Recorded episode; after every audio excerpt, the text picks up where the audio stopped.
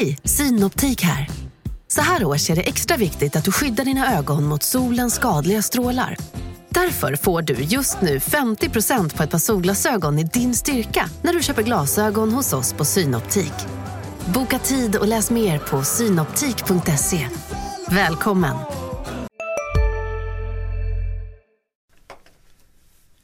Come on! Nu kör vi då. 10, 9, 8, 7, 6, 5, 4, 3, 2, 2, 2, 2, nej jag skojar, 1!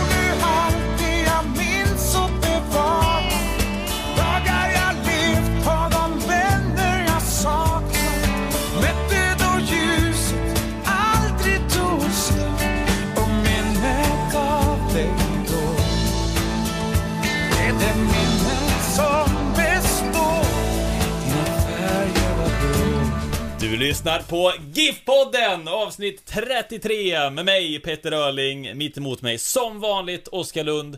Och som du har tjatat på mig att vi ska göra en GIF-podd idag, jag har känt mig trött, jag har inte sovit ut efter den här superfighten Mayweather McGregor. Jag går på lite sömn fortfarande. Kände inte för att podda idag, så kommer du och säger det ska vi visst. Och du är ju laddad nu. Ja men nu, man får väl slå på det här då. Jag har lyckats omvända dig över en eh, lunch. Eh, Men ja, du har ju dina skäl att vara lite trött. Dels, eh, Den lunchen gjorde mig gott kan jag säga. ja, kul att höra. Eh, Bra att jag övertalade dig att släppa den matlåda du hade med dig och att vi gick ut och käkade istället. Ja. Stötte vi också på Urban Hagblom, Sebastian Rajalaxo, Henrik Wikström, Joel Cedergren, Ferhan Sibila. Alla var där och käkade. Det ska väl sägas att vi var, vi jobbar ju mitt emot Norrporten Arena, idrottsparken. Så det var ju dit vi gick åt, så det var inte som att vi stötte på alla Nej, dem ute på, inte nå, konstigt. på stan eller så. Precis. Eh, men... Eh, du har dina skäl att vara trött. Du satt uppe och såg eh, nattmatchen. Jag gjorde ju inte det. Däremot har jag sett den i efterhand. Eh, fick den skickad till mig eh, av... Eh, från dig. Så att jag kunde kika på den i, i efterhand. Jag vill inte få att de ska Du gav mig en bra länk. komma efter mig. Ja, jag gav dig en bra länk. Det är in, inte så att jag laddat ner den här med amerikanska kommentatorer för att sen sprida den vidare via diverse program. Absolut inte. Och eh, det tror För det hade ju varit olagligt. det skulle aldrig falla dig in. Nej. Eh, så att, eh, nej men jag såg matchen igår Ja. kväll efter Giffarnas match. Eh, och eh, ja, man, jag är inte Jag lika... ser det knappt bakom mikrofonen. Det är någon sladd där som sticker Ja, upp vad lite. tråkigt. Så, bättre? Nej men min sladd där. Så kanske. Ja. Nej, jag är ingen... Jag eh, vill se dina vackra ögon. Jag är ingen fighting-nörd på samma sätt som, som du är, men... Eh, Nörd. ja. Taget. Men Ja. det var... Nej, jag är glad att jag, att jag såg eh, matchen ändå. Ja, Eh, Det, det gav mig någonting tycker jag. ja. Det är inte min eh, favoritidrott, men... eh, Nej, det var, det var, ändå, det var en match jag ville se. Det var ett spektakel. Ja, det var det verkligen.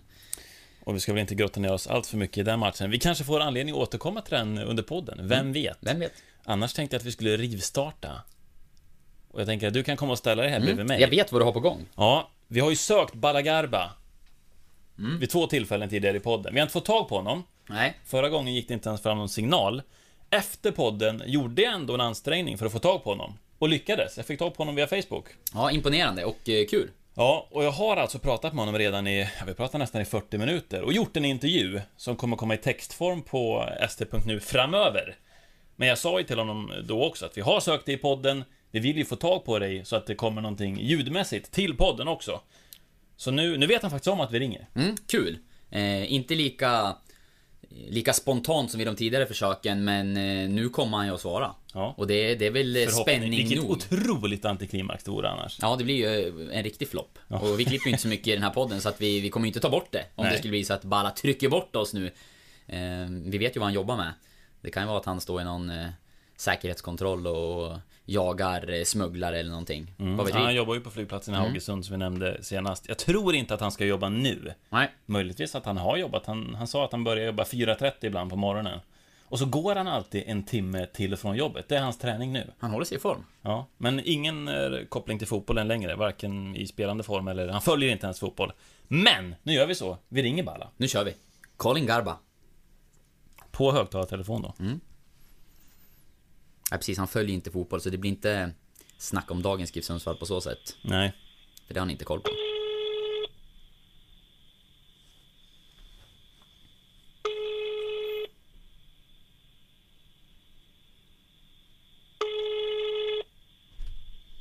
Nu börjar man bli nervös. Ja. Hello? Hello, is this Bala? Yeah, this is Bala from Norway.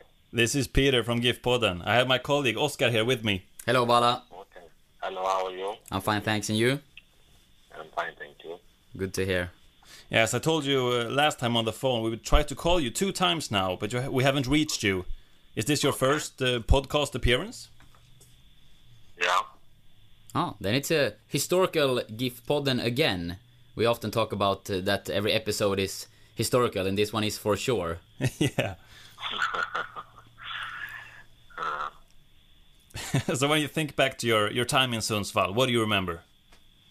Yeah, the good people of Sundsvall, the supporters, because without them we couldn't have uh, achieved anything.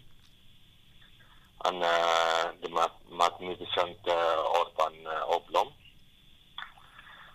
fantastic guy, and uh, the coaching crew and uh, all the people that work for the club. So they're fantastic people. Without them, I couldn't have uh, had a good uh, season anyway. So it's fond memories. Yes, of course. Actually, we, we met uh, Urban Hagblom, as you mentioned here, uh, just uh, like half an hour ago when we, we went to lunch. He was at the same uh, restaurant. Uh, Okay. what's your thoughts about him? You you mentioned him a bit there. Yeah, he's a fantastic guy. I have a lot of respect for him. And I still do. But you don't have any contact today with Urban? No, I don't. Since I left the club, uh, because uh, because of the situation, uh, how I left the club, so I don't know if they want, he wants to talk to me or he don't want to talk to me. So, so that's why I have to keep my distance, you know. So that's the situation. Yeah. We can give him your number if you want us to. Maybe he can call you. Yeah. Of course. It's, uh, I'm looking forward to that. It's not a problem. Like I said, he's a fantastic guy. I have a lot of respect for him, and uh, as, uh, without him, I wouldn't have had a good time in Sundsvall because he made everything easy for me. You know, when I was me and my family. So, so I owe him that much. You know, so Yeah.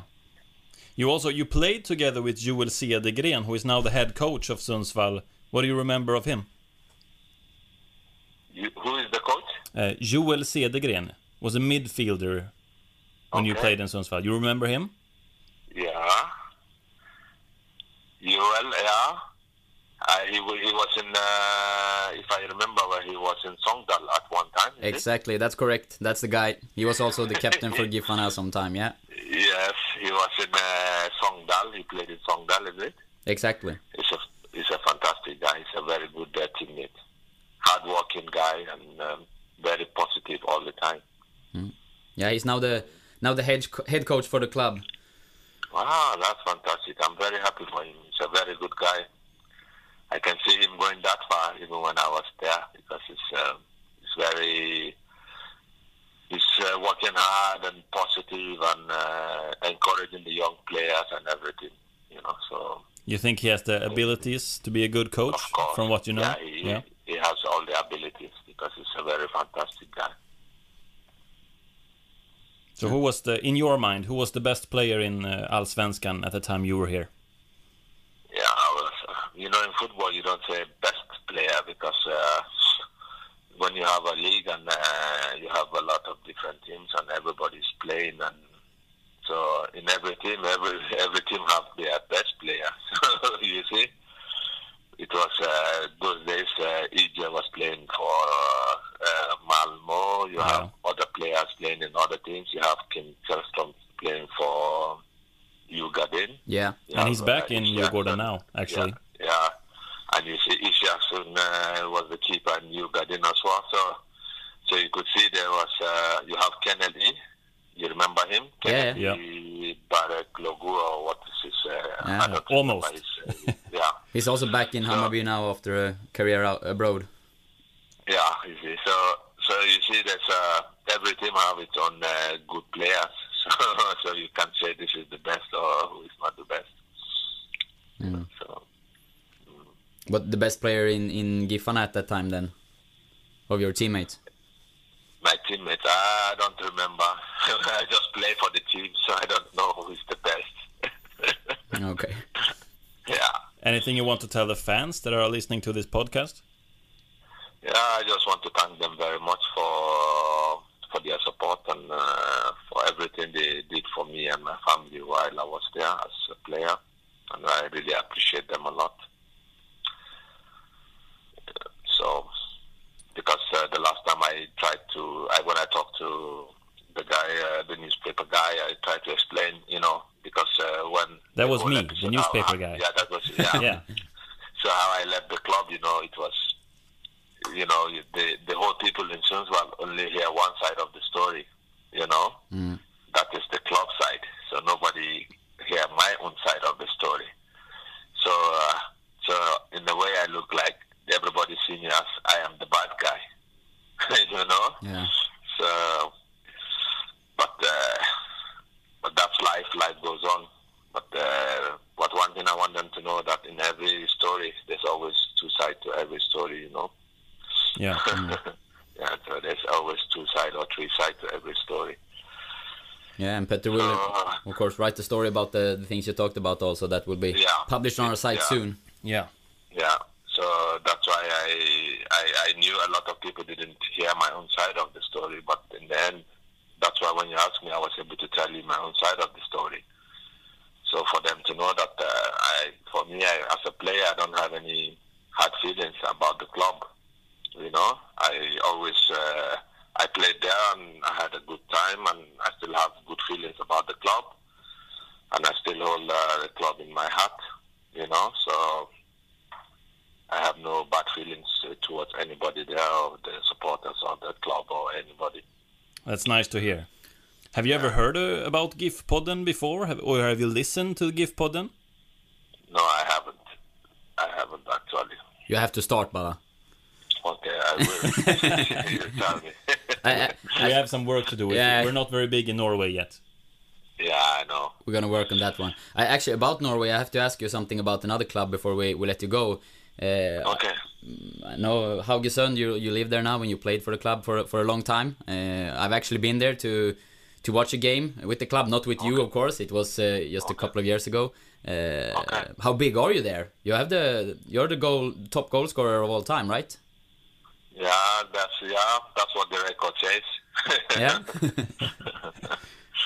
but you have feelings for, for that club? Is that like your the club the closest to your heart? Or? Of course, uh, this is uh, where I got the opportunity to. This is where I got the first opportunity to to show what I can do in Europe, and uh, I lived. I played here for six seasons and uh, have a lot of good memories. And now I'm back here with my family, you know. So this for me, uh, is like a home for me, you know. Yeah. So so now I've lived around Haugesund for let's say almost uh, over 12 years or 13 years now. So, so here, so after Nigeria, uh, Haugesund is my second home in a way. It's a nice time. I understand you. Yeah. So, Okay, Bala. If the, if I don't know if is, is there anything else you want to say? No, I just want to say, I just want to thank all once more, thank uh, Orban, uh, all the people in uh, Sundsvall in the club, who people who work in the club while I was there, and all the supporters for all their support and all their love. Uh, and uh, just want them to know that uh, I love them so much and uh, wish them all the best always. And we wish you the best, Bala. Thank you so much for uh, talking to us. Yeah, it was nice talking to you. Have a great day. Okay. Take care. Okay, bye bye. Take care, Bala. Bye. Cheers. Bye fint samtal. Fan, nu kom jag igång. Starkt ändå få Ja.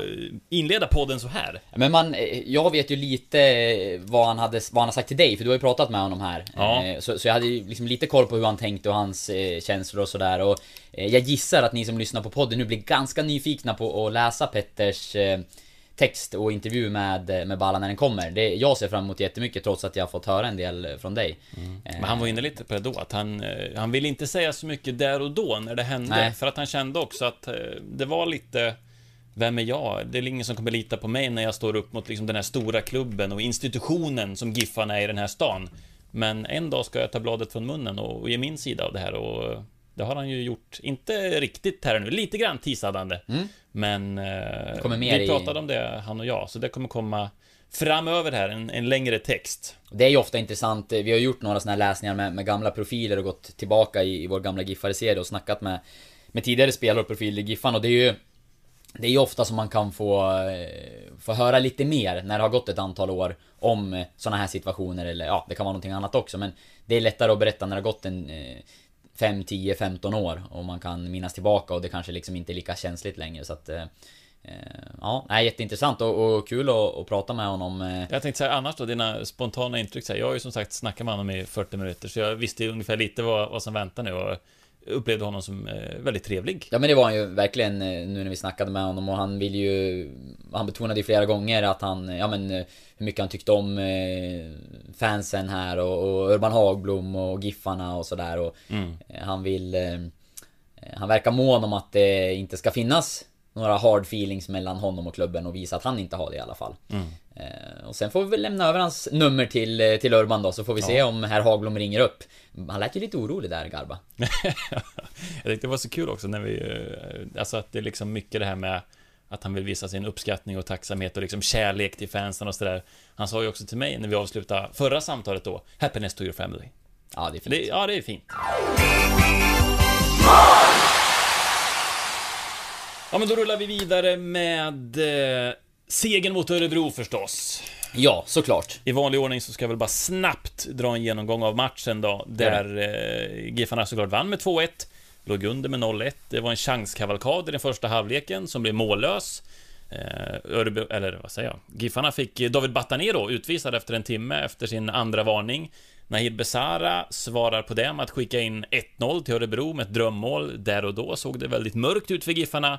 Som sen eh, Linus Alenius kvitterar i den 79 minuten och fyra minuter senare inbytte Peter Wilson framspelad av Linus Hallenius, gör 2-1 och Giffarna vinner med 2-1, lämnar kvalplats och är nu uppe på säker mark. Ja, en eh, mirakelvändning använder vi oss av i rubriken och det känns eh, helt berättigat.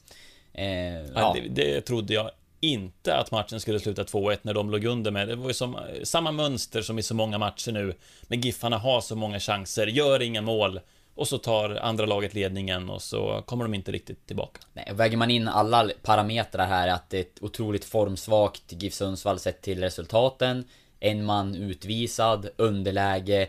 Ehm, Örebro som, ja, ett lag som spelar egentligen helt utan press. De, de kan ju vara ganska avslappnade i den allsvenska tabellen utifrån de poäng de har spelat in och till och med så avslappnade så att man gör sitt tränarbyte innan säsongen är slut för att få en smidig övergång ehm, till assisterande som tar över efter Alexander Axén. Det fanns ingenting som talade för Giffarna i det läget.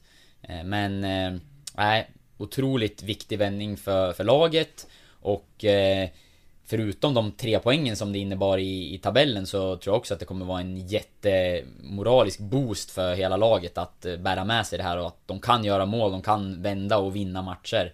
Eh, trots att de den här gången befann sig i ett väldigt utsatt läge. Mm. För det är ju den här karaktären som vi, eh, kanske framförallt fansen har efterfrågat, men det är ju mycket de reaktionerna vi har fått från läsare och tittare och sådär. Och, och den karaktären visade ju Giffarna verkligen.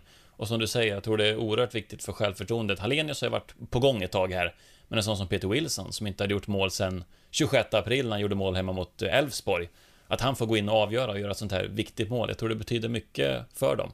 Ja, eh, jag vet inte hur många av er som har sett Peter Wilson le, men ni som har gjort det känner nog igen er att han har ett ganska smittande leende eh, när han drar på smilbanden. Det är, ett stort leende och det är svårt att inte le själv när man har honom mitt emot sig. När han är sådär sprudlande glad, som han såklart var efter segern igår. Jag pratade med honom direkt efter matchen och det var ju... Ja, ingen eh, underdrift att säga att det var nog ett antal kilo som släppte från, från hans axlar. Eh, hade suttit två raka matcher 90 minuter på bänken och fått sporadiskt med speltid eh, på slutet. Eh, inte gjort mål sen i april då som du är inne på. Kom in och, och få avgöra en sån här match och det var inte första gången han gjorde ett viktigt mål för Giffarna. Han gjorde tre mot Jönköping Södra i en eh, måste-match förra året och, och nu avgjorde han eh, mötet med Örebro. Så att eh, han har gjort några viktiga mål för GIF Sundsvall och är faktiskt redan uppe i nio allsvenska mål för klubben och det är, det är inte fy skam. Jag tror, om jag inte minns fel nu, att Kane Dotson är den som gjort flest allsvenska mål för Giffarna och att det bara är typ 18 stycken. Någonting sånt. Så att det, han är inte långt ifrån att vara Giffarnas bästa allsvenska målskytt någonsin. Nej, och jag vet att vi pratade om... En bra eh, säsong så är man ju där. Ja, och han har haft, alltså Wilson har ju haft en, en tuff säsong. Eh, Han fick chansen från start, alltså i inledningen. eh, Och ja, gjorde mål i premiären men hade det tyngre sen och har hamnat utanför. Det har blivit en konstig situation för honom och Hallenius som nu konkurrerar om en plats istället för att samarbeta som man trodde att de skulle göra på förhand och spela med två anfallare. Men han står ändå på tre mål nu, jag minns att vi pratade om det inför säsongen och jag har väl hela tiden tänkt att gör han sex mål igen så gör han det bra. Eh, Det är så mycket mer kan man inte kräva tycker jag. Av någon som gör sin andra säsong i Allsvenskan och egentligen sin första hela där han är med och konkurrerar på allvar från start. För i fjol spelade han ju inte under inledningen utan det var ju under hösten som han slog sig in och, och gjorde succé när det försvann andra anfallare ur truppen. Så att... Eh, Nej men eh, det finns, det finns nog ändå ett sparkapital utifrån hur han har presterat under våren och kan man få igång honom tillsammans med Hallenius här under slutet så kan det bli väldigt intressant. Jag har ju propagerat lite grann nu de sista veckorna för att få se båda två på planen samtidigt. Eh, Och eh, det fick vi se en stund igår och Han såg det blev lyckat bra ut resultat. de minuterna igår. Och Hallenius har vi lyft fram vid flera tillfällen i olika sändningar.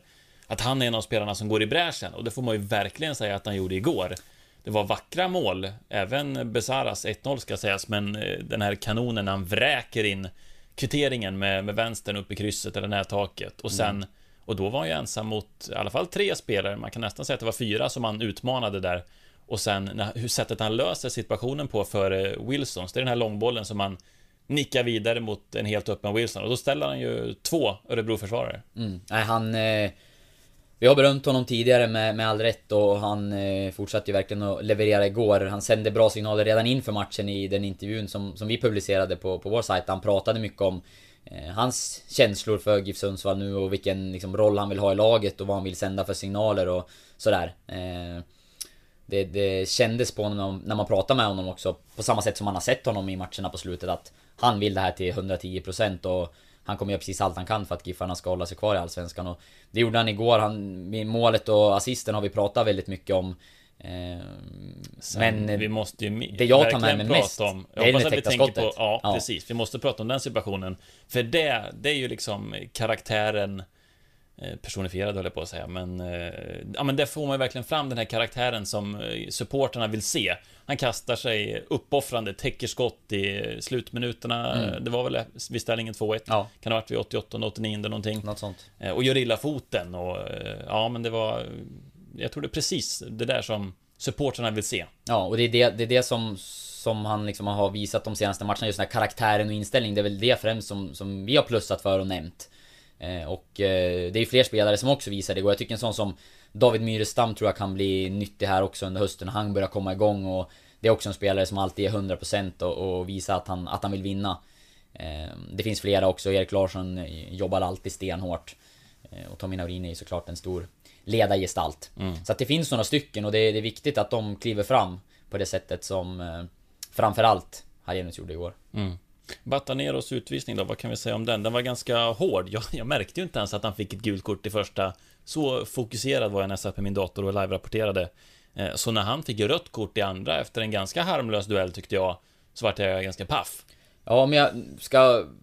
Så jag minns rätt här nu, men första kortet var väl för att han ställde sig i vägen för bollen tror jag vid en frispark. Ja, Jag har inte hittat några bilder på det här i efterhand, så jag är lite osäker där på Ja. första gula kortet i alla fall. Ja, ni får twittra till oss eller något om vi är ute och cyklar nu, men som jag minns det så ställer han sig i vägen för I de sekunderna när jag är i luften så är det en kamp på liv och död. I Spotlights serie Vinnarskallarna minns stjärnorna själva de dramatiska svenska sportögonblicken. Hör Anja Persson berätta om när hon kraschade i OS-backen men reste sig igen. Jag ville vinna över berget. Vinnarskallarna, nytt avsnitt varje fredag.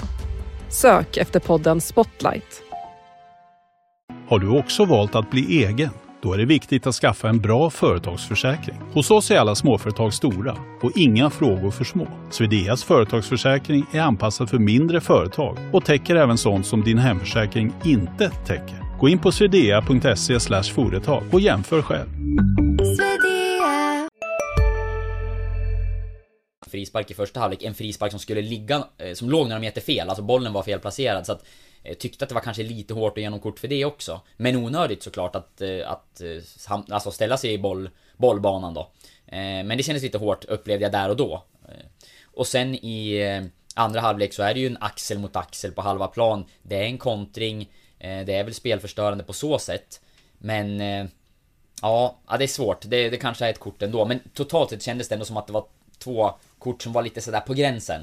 Eh, Och, då sen kort därefter hade vi en situation som inte resulterade i någon åtgärd från domaren när Örebros Brendan Heinz Ike vräkte ner Erik Larsson i vad som för mig kändes som Mm. Ja, ett solklart tycker jag var gult kort. solklar. Så att eh, domarnivån kan man ändå prata om efter gårdagens match, eh, tycker jag. För den var lite tveksam stundtals. Men eh, vi har ju ibland fått lite kritik för att vi har varit lite negativa kring Giffarna. Men då ska de ju verkligen få beröm nu, för det, var, det är ruggigt imponerande att hämta upp eh, underläget i seger på det sättet som de gjorde. Med tanke på alla de här förutsättningarna som vi har varit inne på. Ja absolut och jag tycker jag läste runt lite så här, försökt ta det och snackat runt med folk vad man tycker efter matchen och eh, Det var ju en del kritik efter första halvlek eh, och insatsen då och, eh, Det var inte glimrande på något sätt det, det tycker inte jag heller men jag tycker att Giffarna hade klart eh, kontroll på matchen och jag tycker också att de skapade fler målchanser än tidigare det, Framförallt vad jag tyckte var, var kul att se Det var att man sköt från distans en sån som Kristin Steinorsson tycker jag gjorde en eh, jättebra första halvlek där han var inblandad i mycket och tog många avslut. Hade har- några fina instick till just Myrestam också. Precis, när han dessutom. fart, kom runt eh, backlinjen på Ja, eh, Steinorsson såg bra ut i den där centrala mittfältsrollen och eh, Ehm, det var, det var kul att se att han, att han eh, testade kanonen lite grann. Jag tycker han har skjutit alldeles för lite tidigare för han har ett bra skott och det är ju en poängspelare i grunden så han ska skjuta mer och det var helt rätt att han att han drog på ett par avslut igår. Sen är det klart att några av skotten i första halvlek var från distans och det var inga kanonlägen men eh, man kom på skott, man skapade situationer och sett över 90 minuter så är det ju en helt rättvis seger. Ja, Jag vill ju sträcka mig så långt som att säga att det är Giffarnas bästa match på hela säsongen. Och jag tycker att en sån som Romain Gall tycker också man kan lyfta. Jag tycker han gör sin kanske bästa match i Giffarna sen han kom hit. Det händer mycket kring honom hela tiden. Eh, Borde kanske ha skrivit in sig i målprotokollet med tanke på hur många chanser han hade. Mm, ja, Gal var inblandad i, i en hel del och gjorde några fina Spelade ju fram Linus för aktioner, till precis. eh, kvitteringen. Ja, det stämmer. Och ja, som sagt så tycker jag att eh, Steinarsson också gjorde många bra saker. Jag tycker Marcus Danielsson var tillbaka i, i gammalt gott slag och gjorde en jättefin match. Eh, Tommy Naurin gjorde en jätteräddning. Det var väl alltså i första halvlek? Mm. På ett volleyskott från nära håll från Martin Lorentzon. Ja. Exakt, efter en hörna när bollen studsade ut och med... Distansskotten har han problem med, men reflexerna är det inget fel på. Ja, där är han väl en av Allsvenskans absolut bästa målvakter. Eh, jättefin räddning och matchavgörande med facit i hand. Mm. Och det är eh, även ett distansskott som han släppte in igår, men den, den träffen kan man inte säga mycket om. Det var inte, går inte att lasta Tommy på något sätt för den, Absolut tycker inte. jag. Tycker också man kan nämna inhoppet från eh, Carlos Moros Gracia. Eh, inte att eh, det var någonting spektakulärt över det. Men det har ju varit snack om honom och att han kanske är en spelare som eh, en del vill se på planen nu under slutspurten. För att han, eh, han besitter egenskaper som, eh, ja... eh, Det Tycker här... också han har lite karaktär när vi ändå är inne på det. Karaktären, engagemanget, han styr, han pratar med sina medspelare, han jobbar hårt, han går in i närkamper och han, eh, han är duktig med bollen också. Så därför har det varit snack om honom och vi gjorde, pratade med honom inför matchen i vår livesändning efter träningen i lördags och då öppnade han för att eh, kunna spela på mittfältet. Som en del har undrat om. Nu fick han också komma in där. Och ja men gjorde det bra under sin tid på planen och det känns ju som att han är högaktuell och startar nu mot eh, Sirius efter uppehållet med tanke på att Batanero kommer vara avstängd. Och eh, beror väl på då om Söljevic hinner tillbaka eller inte. Men eh, han tränar ju inte nu så det finns väl ganska goda möjligheter för att eh, Carlos kan eh, ja, in i det sista slåss om en plats och, och starta tillsammans med Kristin Steinarsson. Han gjorde ju också mål i kuppmatchen i förra onsdagen. Vi står och spelar in här måndag. eh, Den 28 augusti. Han gjorde mål i kuppmatchen mot Torstorp också. Han spelade 90, nej, 88 minuter. Eh, Så att, eh, inte helt oäven offensivt heller. Nej, verkligen inte. Så att, eh, nej men det är en spelare vars karaktär kan bli nyttig under eh, hösten. Eh, En av dem som står för det här eh, rätta attityden som vi pratade om. Så att eh, Giffarna kommer få nytta av honom här under slutet av säsongen, det tror jag. Vet du vad jag tycker var sämst med matchen igår?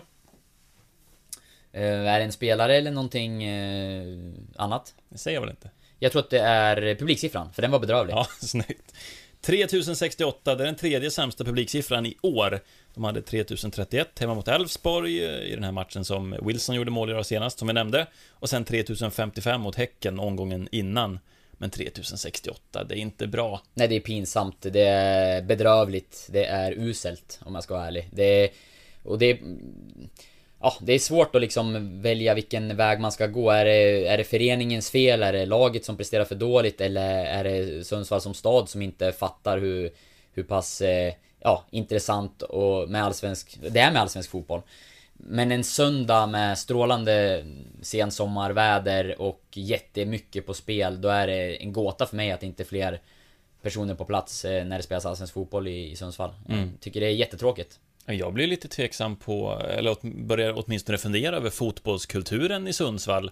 Att det finns kring Giffarna är ju, står ju bortom alla tvivel, men hur är det i övriga stan och bland folket? När det kommer så här lite folk på matcherna. Ja, nej och det...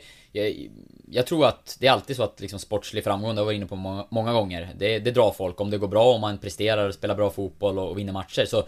Eh, Giffarna ska absolut ta på sig... Eh, liksom de- den största delen. Presterar man tillräckligt bra så är liksom... Kommer publiken. Så är det ju i, Å i andra grund och sidan botten. av det myntet är att man som spelare kanske presterar lite bättre om det skulle sitta ytterligare 3000 hemmafans på läktarna och liksom som bär fram Giffarna. Ja, och jag tycker någonstans att lägsta nivån borde kunna vara högre, alltså från publikens sida. Eh, Det borde kunna vara, ja men, mellan 4 och 5 tusen på varje allsvensk fotbollsmatch. Även om laget går tungt, att det finns någon sorts grundbas med fotbollsintresserade människor som går dit och tittar. Även om man kanske är besviken på vad laget presterar eller vill, vill se förändringar eller sådär. Men att det grundintresset ändå finns. Och att när det går bra och om laget presterar bättre och bjuder på underhållande fotboll, ja men då kommer det ett par tusen till. Eh, Men... Det är ju eh, några matcher nu som sticker iväg publikmässigt, men annars har de ju legat mellan 3000 och 3500 i de flesta. Mm. Ja, det är för dåligt. Och det, Ja. och jag, det är ju, gör ju också att det, det blir en ond spiral. Laget presterar dåligt, publiken kommer inte, föreningen får en eh, betydligt sämre ekonomi. Eh, Ja, ni, alla kunde ju läsa om eh, det miljonminus som man är på väg att- gå emot för GIF Sundsvalls del och det är klart att väldigt mycket hänger ihop med publikintäkterna. Sen är det ju också så att man har väl budgeterat med ett alldeles för högt publiksnitt vilket eh, föreningen får ta på sig. Ja. Men eh, att, att det borde vara fler åskådare på plats för att se allsvensk fotboll, det, det tycker jag absolut. Jag har svår, faktiskt svårt att förstå eh, hur det kan vara så få åskådare där. Eh, även om det inte har bjudits på fotbollspropaganda under, under den här säsongen. Mm. Men när det är tre matcher, när det har varit precis över 3000 åskådare, då undrar jag också lite om man nästan har snyggat till de där siffrorna för att det ser bättre ut att det är 3000 någonting än att det är 2900 någonting. Mm. Ja, jag har dålig koll på hur eh, systemen fungerar när man eh, registrerar eh, åskådare in och ut och sådär. Det- Men det var ju väldigt få på plats kort innan avspark igår. Då var det så att man verkligen hajade till och reagerade. Ja, då Sen- tror jag knappt att det var 2000 personer där. Nej. Det är svårt att uppskatta också. Vi, vi ser inte riktigt heller vad vi har ovanför Nej, oss, precis. där vi sitter Och det fylldes på. Det var, fylldes på. det var fler, när matchen väl drog igång och 5-10 minuter in så, så var det klart fler på plats. Men det var verkligen sådär sista sekunden för, ja men när spelarna började gå ut, då var det otroligt glest på läktaren på, mm, ja, mitt emot oss då. Eh, det fylldes på under, under matchinledningen. Pinsamt, slår vi fast. Skärpning!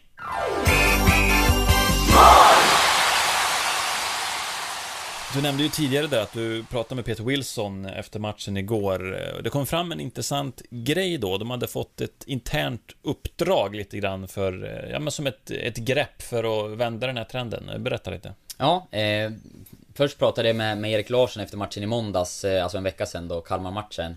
Eh, och han, eh, försökte, jag försökte luska lite grann kring hur, har ni liksom verkligen gått igenom vilken situation ni befinner er i och, och, och pratat om hur ni ska hantera det här läget och så. Det hade de ju. Han berättade att de hade tagit ett möte och, och suttit ner och pratat om situationen och vad kan vi göra för att förbättra det här och eh, liksom att eh, betona att nu är vi i det här läget. Nu handlar det inte om topp 8 som var spelarnas egen målsättning tidigare utan det handlar om att överleva mer eller mindre.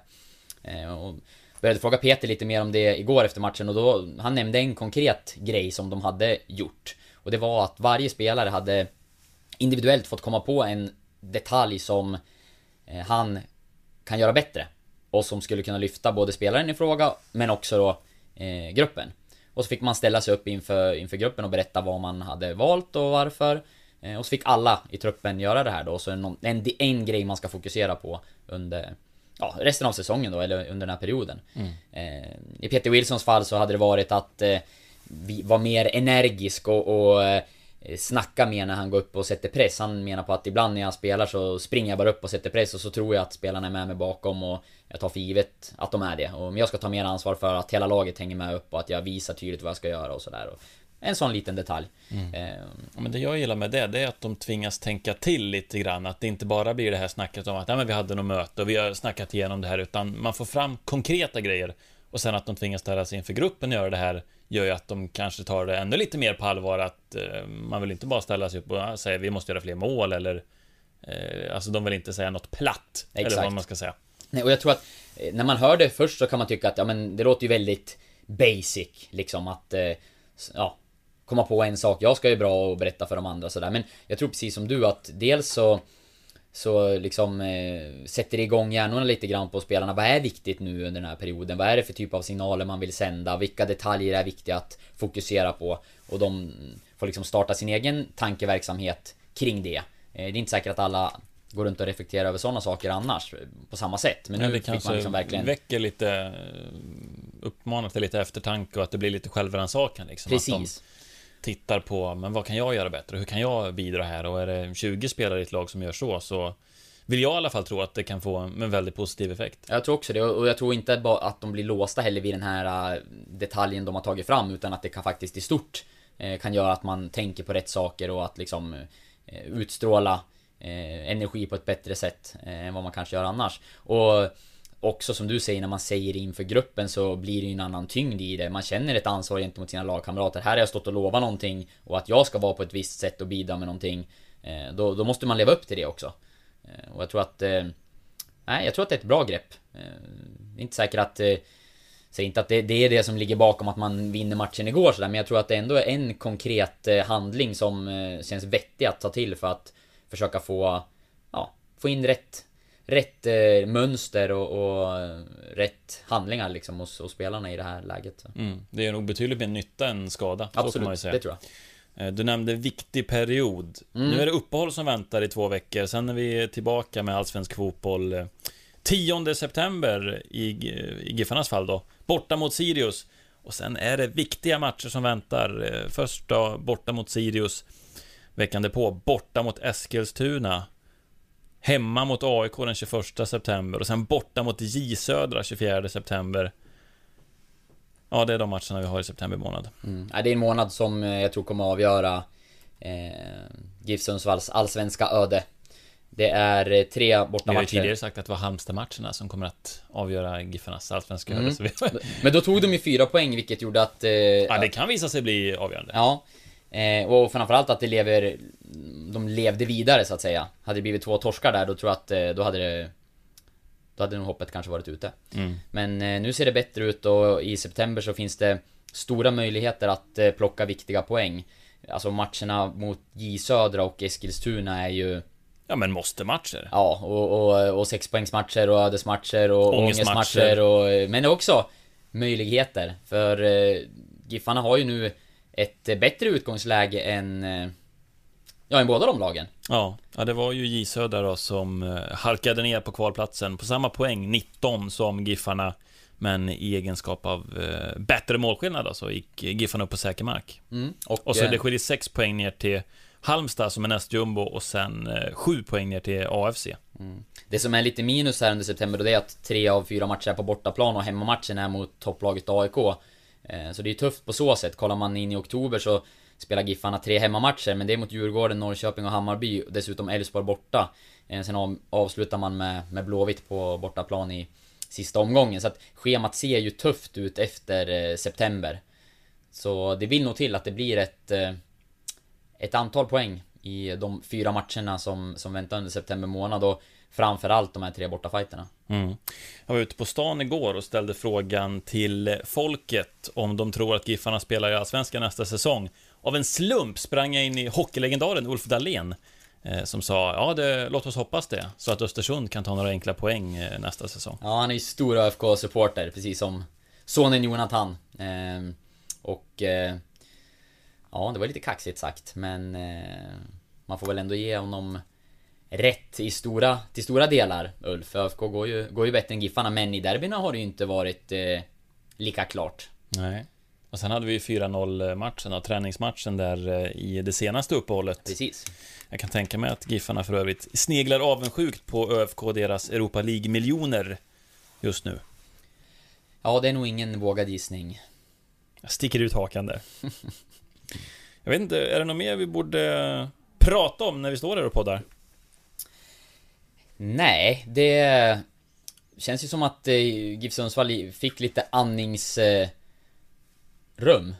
eh, in i uppehållet här nu då och jag tror att det betydde jättemycket för, för gruppen och eh, inte minst för Joel Cedergren. Han har ju varit ordentligt pressad under den senaste tiden. Resultaten har inte kommit, han har varit ifrågasatt, det har varit avgångskrav och mycket kritik både från oss i media och från supportrar och, och folk i allmänhet. Och jag tror verkligen att han behövde den här segern för att... Men ros från Balagarba. Ja, precis. Ja, det får man säga. Verkligen. Ja. Vilken hyllning. Både till Urban och till ja. Joel. Ja, det var mycket kärlek från, från Balagarba gentemot Sundsvall och Giffarna. Eh, men det har inte varit så mycket kärlek eh, till Ole Cedergren från, eh, från fansen den senaste tiden. Jag tror att, ja men han behövde verkligen den här vinsten för att dels fortsätta få gruppen att vara, vara med honom i det sättet som, som Giffarna vill spela på och, och hans ledarskap och sådär.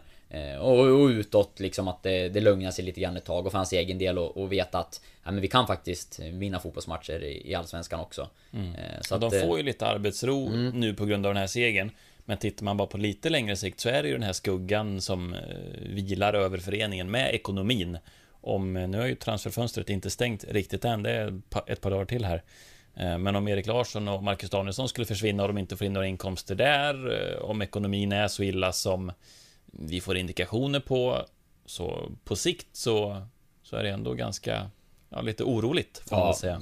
vä- väldigt oroligt skulle jag vilja påstå när det gäller ekonomin. Sen tror jag att eh, Joel Cedergren i, i hans roll det är klart att han är medveten om det och han inser att det, blir, det kommer bli tufft framöver men jag tror att Jag tror han är helt fokuserad på det sportsliga och att eh, rädda kontraktet eh, för Giffarnas del. Det är det han kan göra som huvudtränare. Och det är också det som, om han tittar framåt i sin karriär som är viktigt för, för hans CV och, och hela den biten. Så att jag tror ändå att han kan eh, lägga lite ekonomin åt sidan ganska mycket. Eh, för honom, honom påverkar det på så sätt att han, han fick inga nyförvärv under sommarfönstret för det finns inga pengar men Men han, han har ju ofta den inställningen också, att man frågar någon gång Ja men nu är Gerson skadad, vad betyder det? Och då svarar han ju ofta det, men jag tänker inte så Gerson är skadad, då är han inte med i ekvationen för mig Utan då, då får jag ta ställning till de spelare jag har till mitt förfogande. Mm, och det är helt Så han är rätt. ganska krass på det sättet. Och det är så hans fokus ska vara och jag tror att det, det är en, en egenskap som är väldigt viktig som, som elittränare som är säkert är svår för det är lätt att, att grubbla och gräma sig över att saker inte går ens väg och sådär. Men då gäller det liksom att fokusera på det man kan påverka. Och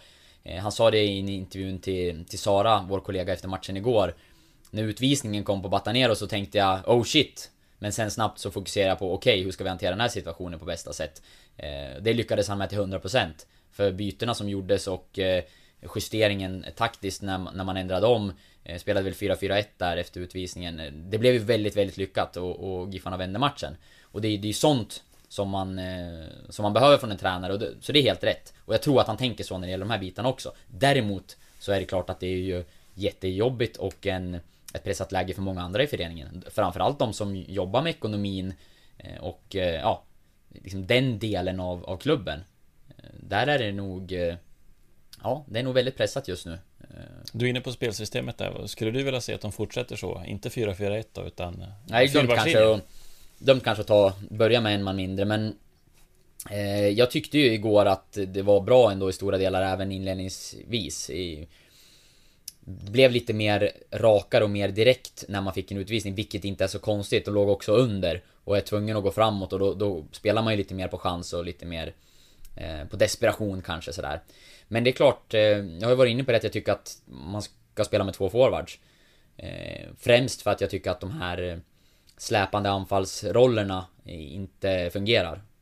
Eh, det är nästan ingen av spelarna som har fått chansen där som har lyckats fullt ut. Vi pratade om att Gal var bra igår och det var han och det finns andra som har gjort bra prestationer också men sett över hela säsongen så känns det som att man har fått ut för lite av de eh, positionerna.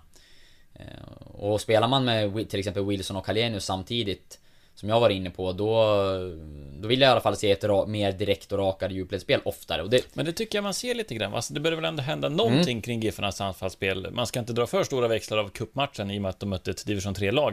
Men jag tyckte också då att man såg lite tendensen av att de spelade mer på djupet och ja, men lite rakare i anfallsspelet. Och Ja, det, och som vi var inne på inledningsvis, flera avslut utifrån eh, igår. Så att jag är väl mer inne på att spela med två anfallare på något sätt än att gå ner och, och spela på en fyrbackslinje igen. Eh, jag, jag tror att effekten skulle vara större av två renodlade forwards än eh, om man justerar längst bak. Så att, säg 3-5-2 skulle kunna vara ett alternativ som vi pratade om tror jag förra veckan också. Kanske spela med, med, med en trebackslinje och fortsätta med, med Larsson och Myrestam på kanterna. Ha tre eh, lite mer centrala mittfältare, två, två balanserande och en nummer 10 och sen två forwards. Det, det är väl det jag skulle ha valt just nu. Eh, och det blir också mindre förändringar än om man ska gå tillbaka och spela med fyrbackslinje. Eh, de vill ju inte göra för stora eh, rotationer utifrån hur man har byggt laget då. Men jag är inte så säker på att det kommer bli så, för spelade ju 3-5-2 under inledningen och Giffarna tyckte att de åkte på alldeles för många kontringsmål då. Man blev inte tillräckligt starka centralt på mitten och det finns väl en risk eller möjlighet då att man därför inte kommer gå tillbaka och spela på det sättet. Men jag hade gärna sett det. Kan vi säga något om vem vi... eh, Är det klart vem vi kommer att ha som gäst i nästa veckas podd? Har han skrivit på kontraktet? Eh, Jag ska kolla på mobilen här. Nej, inte fått någon påskrift, men vi kan väl säga att vi har varit i kontakt med Linus Hallenius och han har sagt att han eh, absolut ställer upp och är med i podden. Sen ska vi bara hitta Så rätt... någon gång kommer det bli då. Men vi hoppas väl att det blir att vi spelar in en podd den här veckan som eh, kommer ut nästa vecka. Ja, eh... Så har ni några frågor till Linus Hallenius eller annat som ni vill att vi tar upp i diverse olika livesändningar. Nu kommer det bli lite mindre av den varan då med tanke på att det inte är några matcher här de närmsta veckorna. Eh, Eller om ni bara har någonting som ni vill att vi ska surra om i podden eller någon annanstans så tyck till. Använd hashtaggen GIF-podden och skriv i vår eh, live-rapport. Mm. Vi kan väl också säga det, det tror jag vi nämnde förra veckan att vi har förhoppningar om Joel Cedergren och han har också varit positiv till att vara med. Så att eh, både Linus Hallenius och Joel Cedergren kommer förmodligen att gästa oss under den närmaste tiden. Så frågor till båda dem tas väl tacksamt emot och så ska vi försöka eh, ja, stöka av det så Vi snart kan som inte möjligt. lova att vi tar med alla, men vi ska försöka. Absolut. Vi brukar vara ganska duktiga på det tycker jag. Ja, kommer det frågor så ska vi definitivt använda dem. Så att, eh, hör gärna av er. Just kring Joel har vi ju fått väldigt mycket önskemål om att vi ska ta hit honom och kanske till och med ha nästan en special med, med eh, lyssnarfrågor. Mm. Så där får ni ju... eh, Där får ni leverera.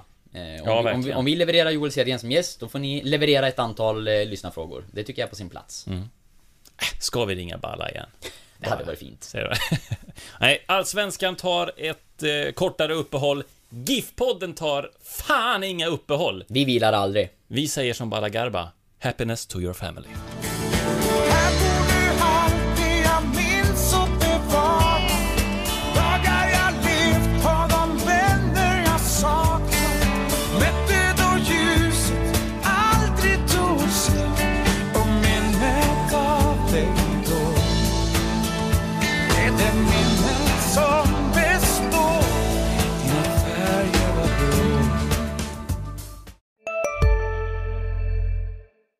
Om en yogamatta är på väg till dig, som gör att du för första gången hittar ditt inre lugn och gör dig befordrad på jobbet men du tackar nej för du drivs inte längre av prestation. Då finns det flera smarta sätt att beställa hem din yogamatta på. Som till våra paketboxar till exempel.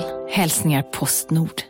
Var du än är och vad du än gör så kan din dag alldeles strax bli lite hetare. För nu är Spicy Chicken McNuggets äntligen tillbaka på McDonalds. En riktigt het comeback för alla som har längtat.